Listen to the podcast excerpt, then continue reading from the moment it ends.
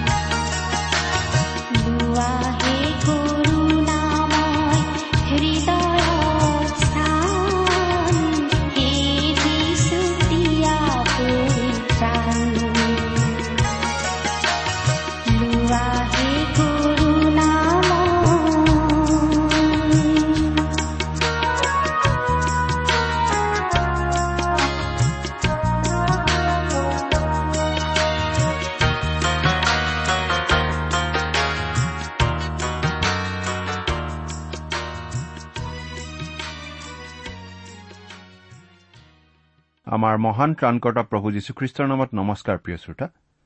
এয়া আকৌ আপোনালোকৰ ওচৰলৈ আহিছো ঈশ্বৰৰ মহান বাক্য বাইবেল শাস্ত্ৰ অধ্যয়ন কৰিবলৈ। আপুনি যে এই অনুষ্ঠান নিয়মিতভাৱে শুনি আছে তাৰ বাবে আপোনাক ধন্যবাদ জনাইছো। আমাৰ প্ৰায়বোৰ শ্ৰোতাকেই আমি মুখামুখিকৈ লগ পোৱা নাই আৰু শ্ৰোতাসকলেও হয়তো বহুতেই আমাক দেখা নাই।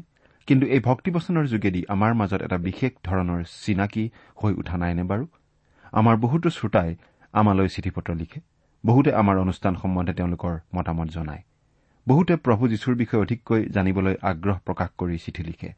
বহুতো লোকে প্ৰাৰ্থনাৰ অনুৰোধ জনায়। কোনো কোনো শ্ৰোতাই প্ৰশ্নও কৰে বুজিবলৈ অসুবিধা পোৱা কথা অধিককৈ বুজিবলৈ। মুঠতে যি কাৰণতেই নহওক কিয় আমালৈ লিখা চিঠি পত্ৰৰ জৰিয়তে আমাৰ শ্ৰোতাসকলৰ সৈতে আমাৰ পৰিচয় আৰু বেছি হয়। প্ৰিয় শ্ৰোতা আপুনি বাৰু আমাৰ সৈতে পৰিচিত হৈছেনে?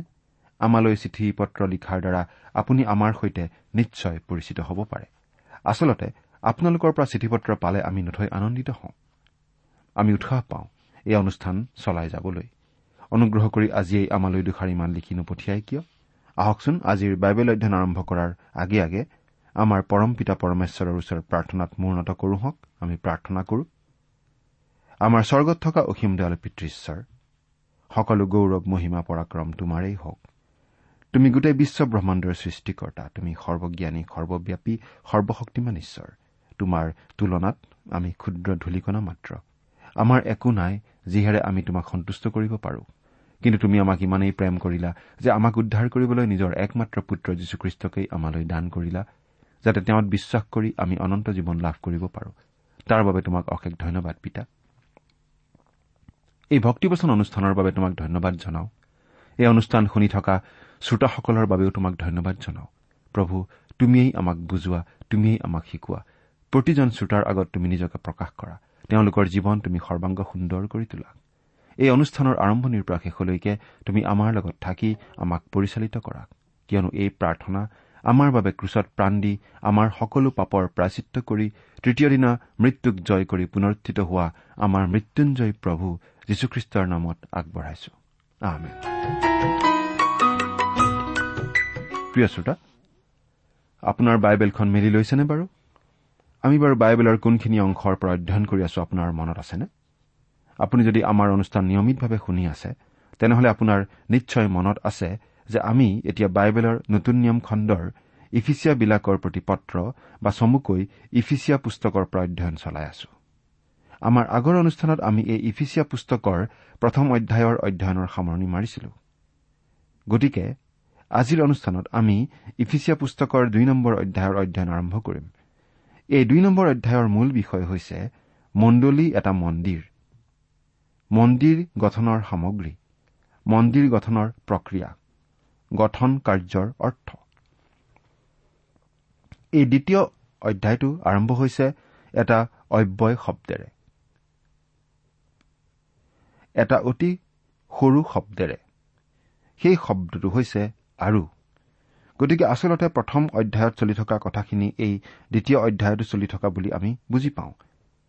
পাচনি পলে প্ৰথম অধ্যায়ৰ শেষৰ পিনে যিখিনি কথা কৈ আছিল সেই কথাৰ সামৰণি পৰা নাই। দ্বিতীয় অধ্যায়তো সেই কথা চলি আছে। পাচনি পৌলে কৈ আছিল সেই প্ৰচণ্ড শক্তিৰ কথা যি শক্তিয়ে প্ৰভু যীশুক মৃত্যুৰ পৰা পুনৰুত্থিত কৰি স্বৰ্গলৈ সোঁ শৰীৰে উত্তোলিত কৰি পিতৃ ঈশ্বৰৰ সিংহাসনৰ সোঁহাতে বহুৱাইছিল। আমি দেখিবলৈ পাম যে এই শক্তিয়েই পাপ অপৰাধত মৰি থকা মানুহক খ্ৰীষ্টত পুনৰ জীয়াই তোলে। সেই কথা আমি দেখিবলৈ পাম। সেইটো সহজ কাম নহয়। পাপত পতিত হৈ আম্মিকভাৱে মৰি থকা মানুহক আম্মিকভাৱে পুনৰ জীয়াই তোলা কামটোৰ বাবেও প্ৰচণ্ড শক্তি লাগে। এই কামৰ বাবে লাগে পুনৰুত্থানৰ শক্তি।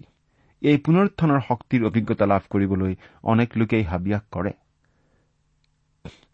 এজন বিখ্যাত ব্যক্তিয়ে এই হাবিয়াস প্ৰকাশ কৰি এটা কবিতা লিখিছিল। সেই কবিতাটোৰ অসমীয়া ৰূপান্তৰ এনেধৰণৰ হ'ব। মোক জানিবলৈ দিয়া পুনৰুত্থানৰ শক্তিনো কি? মোক জানিবলৈ দিয়া তোমাৰ পুনৰুত্থিত জীৱনৰ শুদ্ধ শান্ত প্ৰতিফলন। তুমি মুক্ত হস্তে দিয়া দান মোকো পাবলৈ দিয়া। মোক উপচি পৰা জীৱন উপভোগ কৰিবলৈ দিয়া। কাৰণ তুমি জীৱন্ত প্ৰভু। আমাৰ মাজৰ বেছিভাগ খ্ৰীষ্টীয় বিশ্বাসী লোকৰ প্ৰাৰ্থনা এনেকুৱাই নহয়নে বাৰু? প্ৰিয় শ্ৰোতা আমাৰ বাৰু এনেকুৱা নালাগেনে যে ঈশ্বৰে মানুহক শক্তি অৰ্জন কৰিবলৈ দিবলৈ অলপ কুণ্ঠাবোধ কৰে? ইয়াৰ এটা কাৰণ আমি বিচাৰি পাওঁ অতি সহজে। মানুহে আণৱিক শক্তিৰ বিষয়ে নজনাকৈ থাকোতেই বহু শতিকা পাৰ হৈ গ'ল। ঈশ্বৰে ইমান শতিকা তেনেকৈ পাৰ হৈ যাবলৈ দিলে। তাৰ পাছত মানুহে আণৱিক শক্তি আৱিষ্কাৰ কৰিলে আৰু ফলস্বৰূপে গোটেই জগত সলনি হৈ গ'ল। এই আণৱিক শক্তিৰ আৱিষ্কাৰে আমাৰ এই জগতখন অধিক সুন্দৰ কৰি তুলিলে নেকি? সেই কথা নকলেও আমি বুজি পাওঁ। আণৱিক শক্তিৰ আৱিষ্কাৰে আমাৰ এই পৃথিৱীখন এখন ভয় লগা ঠাই কৰি তুলিলে কাৰণ পৃথিৱীখন ধ্বংস কৰাৰ শক্তি এতিয়া মানুহৰ হাতলৈ আহিল। আজি মানুহ অতি ভয়ংকৰ আজি আমি বালিত মূৰ গুজি শুই থকা উট চৰাইৰ নিচিনা হ'ম যদি আমি ভাবি থাকো যে কোনেও আমাক আণৱিক অস্ত্ৰেৰে আক্ৰমণ নকৰে। শাসন চলাই থকা মানুহবোৰৰ কোনোবাই হয়তো ভৱিষ্যতে এই আণৱিক শক্তিৰ অপপ্ৰয়োগ কৰি দিব পাৰে যদিহে নিজে সাৰি যাম বুলি ভাবে। মানুহ শক্তিৰ ব্যৱহাৰৰ ক্ষেত্ৰত অতি ভয় লগা একেবাৰে বিশ্বাসযোগ্য নহয়। ঈশ্বৰে মানুহৰ এই স্বভাৱ জানে আৰু মানুহক অধিক শক্তি দিয়াৰ ক্ষেত্ৰত ঈশ্বৰে নিশ্চয় দ্বিধাবোধ কৰিব। কিন্তু এই ইফিচিয়া পত্ৰত যি শক্তিৰ কথা কোৱা হৈছে সেই শক্তি হৈছে ঈশ্বৰৰ পৰা অহা এটা বিশেষ শক্তি যি শক্তি যীশুখ্ৰীষ্টত আশ্ৰয় লোৱা প্ৰতিজন ব্যক্তিৰ জীৱনত ঈশ্বৰে প্ৰকাশ কৰে। সেই শক্তিৰেই ঈশ্বৰে আম্মিকভাৱে মৃত্যুমুখত পৰি থকা ব্যক্তিক আম্মিকভাৱে জীয়াই তোলে। এই শক্তি প্ৰদৰ্শিত হ'ব খ্ৰীষ্টীয় মণ্ডলীৰ যোগেদি কাৰণ মণ্ডলী হৈছে খ্ৰীষ্টৰ শৰীৰ এই পৃথিৱীত। আজি মণ্ডলীৰ যোগেদিয়েই প্ৰভু যীশুৱে নিজকে এই পৃথিৱীৰ আগত প্ৰকাশ কৰে। আজিৰ খ্ৰীষ্টীয় মণ্ডলী বহু ধৰণে পুৰণি নিয়মৰ দিনৰ সেই মন্দিৰৰ লগত মিলে আৰু পুৰণি নিয়মত বৰ্ণিত মন্দিৰ আছিল আকৌ সেই অৰণ্যত সজা ঈশ্বৰৰ তম্বুৰ সৈতে সাদৃশ্য থকা। এই সাদৃশ্যটো আমি বহলাই নকলেও বুজি পাওঁ। আনহাতে পাৰ্থক্যসমূহ বিশেষভাৱে চকুত পৰা। উদাহৰণস্বৰূপে পুৰণি নিয়মৰ মন্দিৰ আৰু তম্বু নিৰ্মাণ কৰা হৈছিল কাঠেৰে অৰ্থাৎ মৰা গছেৰে। আনহাতে মণ্ডলী গঠন কৰিবলৈ ঈশ্বৰে মৃত সামগ্ৰী লৈ জীৱন্ত কৰি তোলে খ্ৰীষ্টীয় মণ্ডলী জীৱন্ত মণ্ডলী। মন্দিৰ আৰু তম্বু আছিল ঈশ্বৰৰ মহিমা থকা স্থান। আনহাতে মণ্ডলী হৈছে পবিত্ৰ আত্মা ঈশ্বৰৰ থকা ঠাই। মন্দিৰ আৰু তম্বু আছিল পাপমোচনৰ বাবে বিভিন্ন ৰীতি নীতি পালন কৰি বাৰে বাৰে বলি আগবঢ়াই থকা স্থান। আনহাতে মণ্ডলী স্থাপিত হৈছে যীশুখ্ৰীষ্টই আগবঢ়োৱা সেই ঐতিহাসিক আত্মবলিদানৰ ওপৰত ভিত্তি কৰি আৰু সেই বলিদান কাৰ্যৰ পুনৰাবৃত্তি নহয়।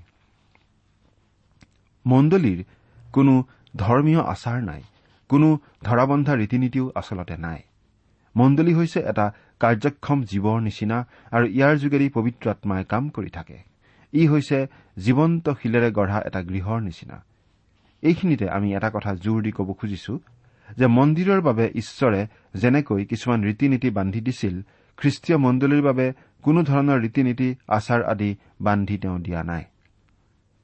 কোনো কোনো লোকে ভাবিব পাৰে যে আমি গীৰ্জাত গৈ প্ৰাৰ্থনা কৰা গীত গোৱা তাৰ পাছত শাস্ত্ৰৰ ব্যাখ্যা শুনা এইবোৰ জানো আমাৰ ধৰ্মীয় আচাৰ নহয়। আমি জানো মণ্ডলীত কিছুমান ৰীতি নীতি পালন নকৰো।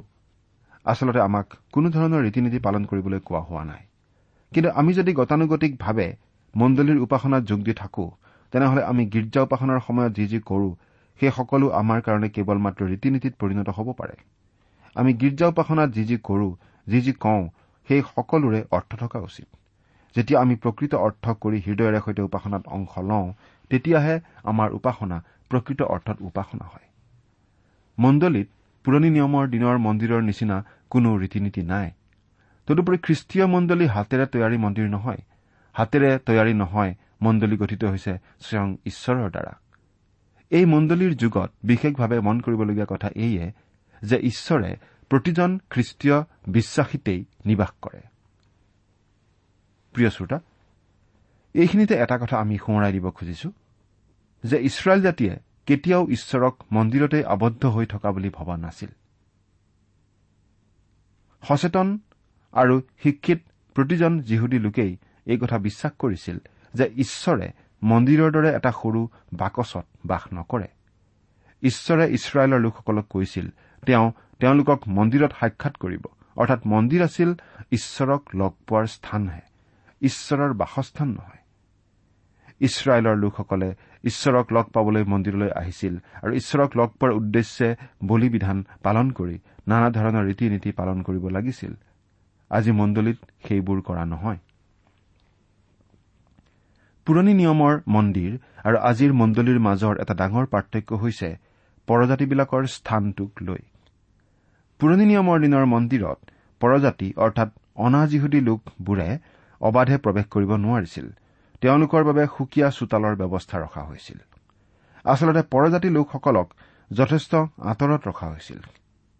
সেইবাবেই পাচনি পৌলে এই অধ্যায়তেই এনেদৰে লিখিছে। তেৰ নম্বৰ পদটো পঢ়িছো। কিন্তু এতিয়া খ্ৰীষ্ট যীশুত আশা দেখি আগেয়ে দূৰ হলেও তোমালোক খ্ৰীষ্টৰ তেজৰ দ্বাৰাই ওচৰ হলা কিয়নো তেওঁ আমাৰ শান্তি। কিন্তু এতিয়া খ্ৰীষ্ট যীশুত আশা দেখি আগেয়ে দূৰ হলেও তোমালোক খ্ৰীষ্টৰ তেজৰ দ্বাৰাই ওচৰ হলা। আমি যিবোৰ লোক দূৰৈত আছিলো আমাক অতি ওচৰ কৰা হল। কিমান ওচৰ বাৰু? আচলতে আমি খ্ৰীষ্টত বহিছো স্বৰ্গীয় ঠাইবোৰত। অৰ্থাৎ আমি খ্ৰীষ্টতেই স্থান পাইছো। তেওঁ য'ত বহি আছে আমিও তাতে বহি আছো। তাতকৈ আৰু অধিক কোনেও আমাক দিব নোৱাৰে। এতিয়া আমি ইফিচিয়া পুস্তকৰ দুই নম্বৰ অধ্যায়ৰ পৰা পাঠ কৰি দিব খুজিছো। দুই নম্বৰ অধ্যায় প্ৰথম পদ দুটা পঢ়িছো। আৰু যেতিয়া তোমালোক তোমালোকৰ অপৰাধ আৰু পাপবোৰত মৰি আছিলা তেতিয়া তোমালোকক ঈশ্বৰে জীয়ালে। সেইবোৰত তোমালোকে এই জগতৰ নিয়ম অনুসাৰে আকাশৰ ক্ষমতাযুক্ত অধিপতিৰ অৰ্থাৎ অবাধ্যতাৰ সন্তানবিলাকত কাৰ্যসাধন কৰোতা আত্মাৰ দৰে আগেয়ে চলিছিলা। আৰু যেতিয়া তোমালোকে তোমালোকৰ অপৰাধ আৰু পাপবোৰত মৰি আছিলা তেতিয়া তোমালোকক ঈশ্বৰে জীয়ালে। ইয়াত তোমালোক মানে কাক বুজোৱা হৈছে বাৰু? এই পত্ৰখন লিখা হৈছিল ইফিচত থকা খ্ৰীষ্টীয় বিশ্বাসীসকললৈ। অৰ্থাৎ খ্ৰীষ্টীয় বিশ্বাসীসকলক বুজোৱা হৈছে। কেৱল ইফিচত থকা খ্ৰীষ্টীয় বিশ্বাসীয়ে নহয় প্ৰতিজন খ্ৰীষ্টীয় বিশ্বাসীৰ ক্ষেত্ৰতেই এই কথাটো খাটে অৰ্থাৎ প্ৰতিজন খ্ৰীষ্টীয় বিশ্বাসীৰেই এইটো অৱস্থা আছিল। খ্ৰীষ্টক বিশ্বাস কৰাৰ আগতে তেওঁলোক নিজ নিজ অপৰাধ আৰু পাপত মৰি আছিল। আচলতে মানৱ জাতিৰ এইটোৱেই অৱস্থা। বাইবেলত কোৱা হৈছে সকলো লোকেই পাপী পাপত মৰি থকা অৱস্থাই মানুহৰ অৱস্থা। পাপত মৰি থকা অৱস্থা মানে আম্মিকভাৱে মৰি থকা অৱস্থাক বুজায়। আম্মিকভাৱে মৰি থকা কাৰণে মানুহে আম্মিক কথাবোৰ বুজি নাপায়। ঈশ্বৰ যিহেতু আত্মা ঈশ্বৰক ভজনা কৰিবলৈ হলে আত্মাৰে ভজনা কৰিব লাগে। গতিকে আম্মিকভাৱে মৰি থকা অৱস্থাৰ মানুহে ঈশ্বৰক প্ৰকৃত অৰ্থত ভজনা কৰিব নোৱাৰে ঈশ্বৰৰ সৈতে সহভাগিতা ৰাখিব নোৱাৰে। আম্মিকভাৱে মৰা অৱস্থাত থকা মানুহৰ লগত আচলতে ঈশ্বৰৰ সম্বন্ধই নাথাকে। যীশুখ্ৰীষ্টক গ্ৰহণ কৰাৰ আগলৈকে সকলো মানুহে আম্মিকভাৱে মৃত অৱস্থাত থাকে। বহু সময়ত আমি আচৰিত হওঁ যেতিয়া অতি উচ্চ শিক্ষিত মানুহেও বাইবেলত থকা কিছুমান সহজ কথা গ্ৰহণ কৰি ল'বলৈ টান পায়। যি কথা সাধাৰণ খ্ৰীষ্টীয় বিশ্বাসী এজনে বুজি পায় সেই কথা অতি শিক্ষিত মানুহ এজনে বুজি নোপোৱা দেখিলে আমি আচৰিত হওঁ হতাশ হওঁ। কিন্তু আচৰিত হ'বলগীয়া আচলতে একো নাই। উচ্চ শিক্ষিত হলেও মানুহে আম্মিক কথা বুজি পাব নোৱাৰে যদিহে তেওঁ আম্মিকভাৱে মৃত অৱস্থাত থাকে। প্ৰভু যীশুখ্ৰীষ্টক গ্ৰহণ কৰাৰ আগলৈকে মানুহ আম্মিকভাৱে মৃত অৱস্থাত থাকে। ইফিচিয়াৰ খ্ৰীষ্টীয় বিশ্বাসী লোকসকলো এসময়ত তেনে অৱস্থাত আছিল। কিন্তু তেওঁলোকক আম্মিকভাৱে জীয়াই তুলিলে ঈশ্বৰে যেতিয়া তেওঁলোকে প্ৰভু যীশুক বিশ্বাস কৰি গ্ৰহণ কৰিলে। প্ৰিয় শ্ৰোতা আপোনাৰ অৱস্থা বাৰু কি? আপুনি বাৰু আম্মিকভাৱে জীৱিত নে? প্ৰভু যীশুক আপুনি যদি আপোনাৰ ত্ৰাণকৰ্তা বুলি বিশ্বাস কৰি গ্ৰহণ কৰিছে তেনেহলে আপুনি আম্মিকভাৱে নতুন জন্ম লাভ কৰিছে আৰু আপুনি আম্মিকভাৱে জীৱিত। সেইবোৰত তোমালোকে এই জগতৰ নিয়ম অনুসাৰে আকাশৰ ক্ষমতাযুক্ত অধিপতিৰ অৰ্থাৎ অবাধ্যতাৰ সন্তানবিলাকত কাৰ্য সাধন কৰোতা আত্মাৰ দৰে আগেয়ে চলিছিলা। সেইবোৰত মানে? সেই পাপ অপৰাধবোৰত। পাচনি পৌলে কৈছে যে ইফিচিয়া বিশ্বাসীসকল আগতে পাপ অপৰাধত মৰা অৱস্থাত আছিল। তেওঁলোক পাপ অপৰাধত চলিছিল। জগতৰ নিয়ম অনুসাৰে। জগতৰ নিয়ম অনুসাৰে। অৰ্থাৎ জগতখন যেনেদৰে চলে সেইমতে চলি। জগতৰ মূল্যবোধ মানি চলিবলৈ গৈ তোমালোক পাপ অপৰাধত মৰি আছিলা। জগতখন মানে পৃথিৱী নামৰ এই গ্ৰহটোক বুজোৱা নাই। এই জগত শব্দটোৱে বুজায় জগতৰ নীতি নিয়ম সমাজখন জগতৰ সভ্যতা জীৱন ধাৰণৰ প্ৰণালী আদিহে।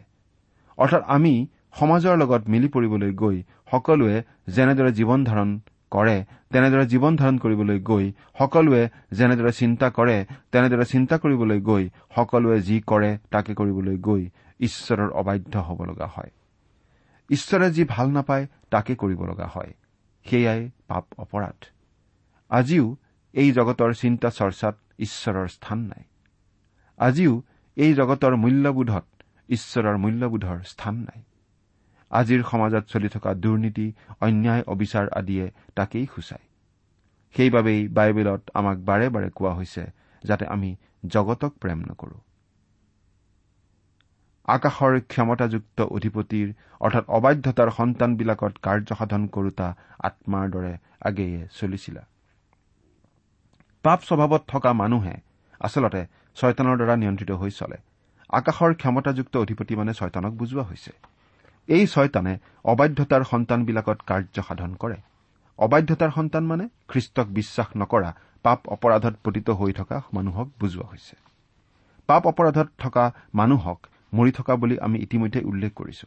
ছয়তানে এই মৰি থকা অৱস্থাৰ মানুহবোৰক লৈ নিজৰ শক্তিৰে তেওঁলোকক শক্তিমন্ত কৰি তোলে আৰু তেওঁলোক হৈ উঠে অতিপাত সক্ৰিয়। এনেদৰে সক্ৰিয় হৈ বহুতো লোকে ভুৱা ধৰ্মৰো জন্ম দিয়ে। এনেকুৱা ভাৱ হয় যে তেওঁলোক ইমান সক্ৰিয় কেনেকৈ হয়? তেওঁলোকক সক্ৰিয় কৰি তোলে আচলতে ছয়তানেই। ছয়তানেই তেওঁলোকৰ শক্তিৰ উৎস। মানুহে কেতিয়াবা আমাক সোধে এই ভুৱা যিবিলাক বিশ্বাস গঢ়ি উঠিছে যিবিলাকক ইংলিছত কাল্ট গ্ৰুপ আৰু ভুৱা ধৰ্মীয় দল বুলিও আমি ক'ব পাৰোঁ এইবোৰৰ যোগেদিও অলৌকিক কাৰ্য সম্পাদিত হৈছে। সেইটো জানো সম্ভৱ? সেই বিষয়ে আমি এটা কথাই মাত্ৰ জানো যে যদি এনেকুৱা দলৰ যোগেদি কিবা অলৌকিক কাৰ্য সংঘটিত হয় সেয়াও হয় ছয়তানৰ শক্তিৰে। ছয়তানে বহুতো অলৌকিক কাৰ্য সম্পাদিত কৰি দেখুৱাব পাৰে। আৰু কিছুমান কাৰ্য শাস্ত্ৰত উল্লেখ কৰা অলৌকিক কাৰ্যৰ নিচিনাই হ'ব পাৰে। মুচিয়ে প্ৰথমতে সম্পাদিত কৰা অলৌকিক কাৰ্য কিছুমান মিছৰৰ যাদুকৰবোৰেও কৰি দেখুৱাবলৈ সক্ষম হোৱা নাছিল জানো? অৱশ্যে মুচিয়ে পিছত সম্পাদিত কৰা অলৌকিক কাৰ্যবোৰ তেওঁলোকে কৰি দেখুৱাব পৰা নাছিল। গতিকে কোনো অলৌকিক কাৰ্য দেখিলেই সেইটো ঈশ্বৰৰ শক্তিৰে হোৱা বুলি আমি ভাবিব নালাগে। ছয়তানে অবিশ্বাসী লোকসকলক সক্ৰিয় কৰি তোলে আৰু অবাধ্যতাৰ পথত চলায়। কিন্তু মানুহে যেতিয়া খ্ৰীষ্টক গ্ৰহণ কৰি আম্মিকভাৱে নতুন জন্ম লাভ কৰে আৰু ঈশ্বৰৰ সন্তান হৈ পৰে তেতিয়া ছয়তানে আৰু একো কৰিব নোৱাৰে। ছয়তানৰ শক্তি খ্ৰীষ্টীয় বিশ্বাসীজনৰ ক্ষেত্ৰত নিষ্ক্ৰিয় হৈ পৰে। কিন্তু ছয়তানে খ্ৰীষ্টীয় বিশ্বাসীজনক পোনে পোনে একো কৰিব নোৱাৰিলেও তেওঁলোকক প্ৰবঞ্চিত কৰি অবাতে নিব পাৰে। তেওঁলোকক ভুলাব পাৰে। আচলতে বহুতো কাল্ট গ্ৰুপত খ্ৰীষ্টীয় বিশ্বাসী লোকো জড়িত হৈ পৰাৰ সম্ভাৱনা থাকে যদিহে সাৱধান হৈ নাথাকে। পাচনি পৌলে ইফিচত থকা খ্ৰীষ্টীয় বিশ্বাসীসকলক মনত পেলাই দিছে যে তেওঁলোক এসময়ত পাপ অপৰাধত মৰি আছিল কাৰণ তেওঁলোকে এই জগতৰ নিয়ম অনুসাৰে চলিছিল আৰু ছয়তানৰ আত্মাৰ দ্বাৰা তেওঁলোক নিয়ন্ত্ৰিত হৈ আছিল। কিন্তু প্ৰভু যীশুক বিশ্বাস কৰি গ্ৰহণ কৰাৰ লগে লগে তেওঁলোকক ঈশ্বৰে জীয়ালে। তেওঁলোকে আম্মিকভাৱে নতুন জন্ম লাভ কৰিলে। প্ৰিয় শ্ৰোতা আমি প্ৰভু যীশুৰ কথা যেতিয়া আলোচনা কৰো আমি জাগতিক চিন্তা চৰ্চাৰেও সেই কথাবোৰ আলোচনা কৰিব পাৰোঁ। ভীষণ পণ্ডিতালী দেখুৱাই নানা ধৰণৰ তত্বগধুৰ কথা কৈ মানুহৰ আগত নিজকে জ্ঞানী বুলি নিজকে পণ্ডিত বুলি জাহিৰ কৰিব পাৰো। প্ৰভু যীশুৰ বিষয়ে বহু কথা জানো বুলি খ্ৰীষ্টীয় ধৰ্ম বিশ্বাসৰ বিষয়ে বহুতো কথা জানো বুলি হয়তো মানুহে আমাক নানা ধৰণে প্ৰশংসাও কৰিব পাৰে। হয়তো গোটেইখন বাইবেল পঢ়ি বাইবেলৰ বিষয়ে ঘণ্টাৰ পিছত ঘণ্টা আমি বক্তৃতা দি থাকিব পাৰোঁ। হয়তো বিভিন্নজনক আমি বাইবেলৰ পৰা শিকাবও পাৰোঁ। কিন্তু আচল সমস্যাটো কি জানেনে প্ৰিয় শ্ৰোতা? আচল সমস্যাটো হৈছে আম্মিক সমস্যা। আচল প্ৰশ্নটো হৈছে আমি কাৰ নিয়ন্ত্ৰণত আছো? আমি ছয়তানৰ আত্মাৰ নিয়ন্ত্ৰণত আছো নেকি? নে আমি প্ৰভু যীশুক গ্ৰহণ কৰি নতুন জন্ম লাভ কৰি ঈশ্বৰৰ সন্তান হৈছো? আৰু ঈশ্বৰৰ সন্তান হোৱাৰ পিছত আমি বাৰু পবিত্ৰ আত্মা ঈশ্বৰৰ শক্তিৰ দ্বাৰাই নিয়ন্ত্ৰিত হৈ জীৱন ধাৰণ কৰি আছোনে? এইটো অতি গুৰুত্বপূৰ্ণ প্ৰশ্ন। আমি প্ৰতিজনেই এই প্ৰশ্ন নিজকে কৰি চোৱা উচিত। আমি ছয়তানৰ আত্মাৰ দ্বাৰাই নিয়ন্ত্ৰিত হোৱা পাপ অপৰাধত মৰি থকা ব্যক্তি হৈ আছো নে প্ৰভু যীশুক গ্ৰহণ কৰি নতুন জন্ম লাভ কৰি পবিত্ৰ আত্মাৰ দ্বাৰা নিয়ন্ত্ৰিত হোৱা ব্যক্তি হৈছো। এই প্ৰশ্ন আজি আমি প্ৰত্যেকেই নিজক কৰি চাওঁ হওক। ঈশ্বৰে আমাৰ সকলোকে সহায় কৰক। আহমেন প্ৰিয় শ্ৰোতা ইমান পৰে আপুনি বাইবেল শাস্ত্ৰৰ পৰা ঈশ্বৰৰ বাক্য শুনিলে এই বিষয়ে আপোনাৰ মতামত জানিবলৈ পালে আমি নথৈ আনন্দিত হ'ম। আমি প্ৰস্তুত কৰা বাইবেল অধ্যয়নৰ চিডিসমূহ পাব বিচাৰিলে আৰু অনুষ্ঠানত প্ৰচাৰ কৰা কোনো কথা বুজিব লগা থাকিলেও আমালৈ লিখক। আমাৰ যোগাযোগৰ ঠিকনা ভক্তিবচন ট্ৰান্সপল ৰেডিঅ' ইণ্ডিয়া ডাক বাকচ নম্বৰ সাত শূন্য গুৱাহাটী সাত আঠ এক শূন্য শূন্য এক। তোমাৰ কাষলে আহিছো পিতা। আজি মোক জিৰণি দিয়া তোমাৰ কৰোণা মাগিছো পিতা তুমি মোক কাবতি লোৱা ঠিকনাটো আকৌ এবাৰ কৈছো ভক্তিবচন ট্ৰান্স ৱৰ্ল্ড ৰেডিঅ' ইণ্ডিয়া ডাক বাকচ নম্বৰ সাত শূন্য গুৱাহাটী সাত আঠ এক শূন্য শূন্য এক। আমাৰ ইমেইল এড্ৰেছটো হৈছে Assamese T TV at the rate radio' eight eight two dot com জীৱন বাটত ইমান নিৰাশা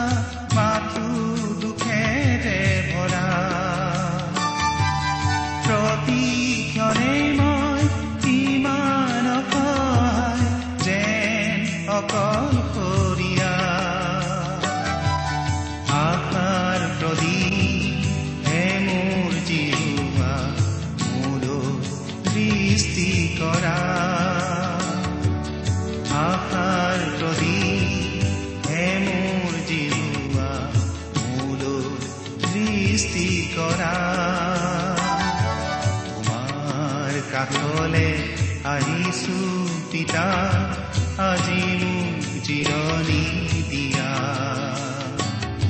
তোমাৰ কৰোণা মাগিছো পিতা তুমি মোক সাৱতি লোৱা আমাৰ website W W W dot T W R dot in আপুনি টেলিফোনৰ মাধ্যমেৰেও আমাক যোগাযোগ কৰিব পাৰে।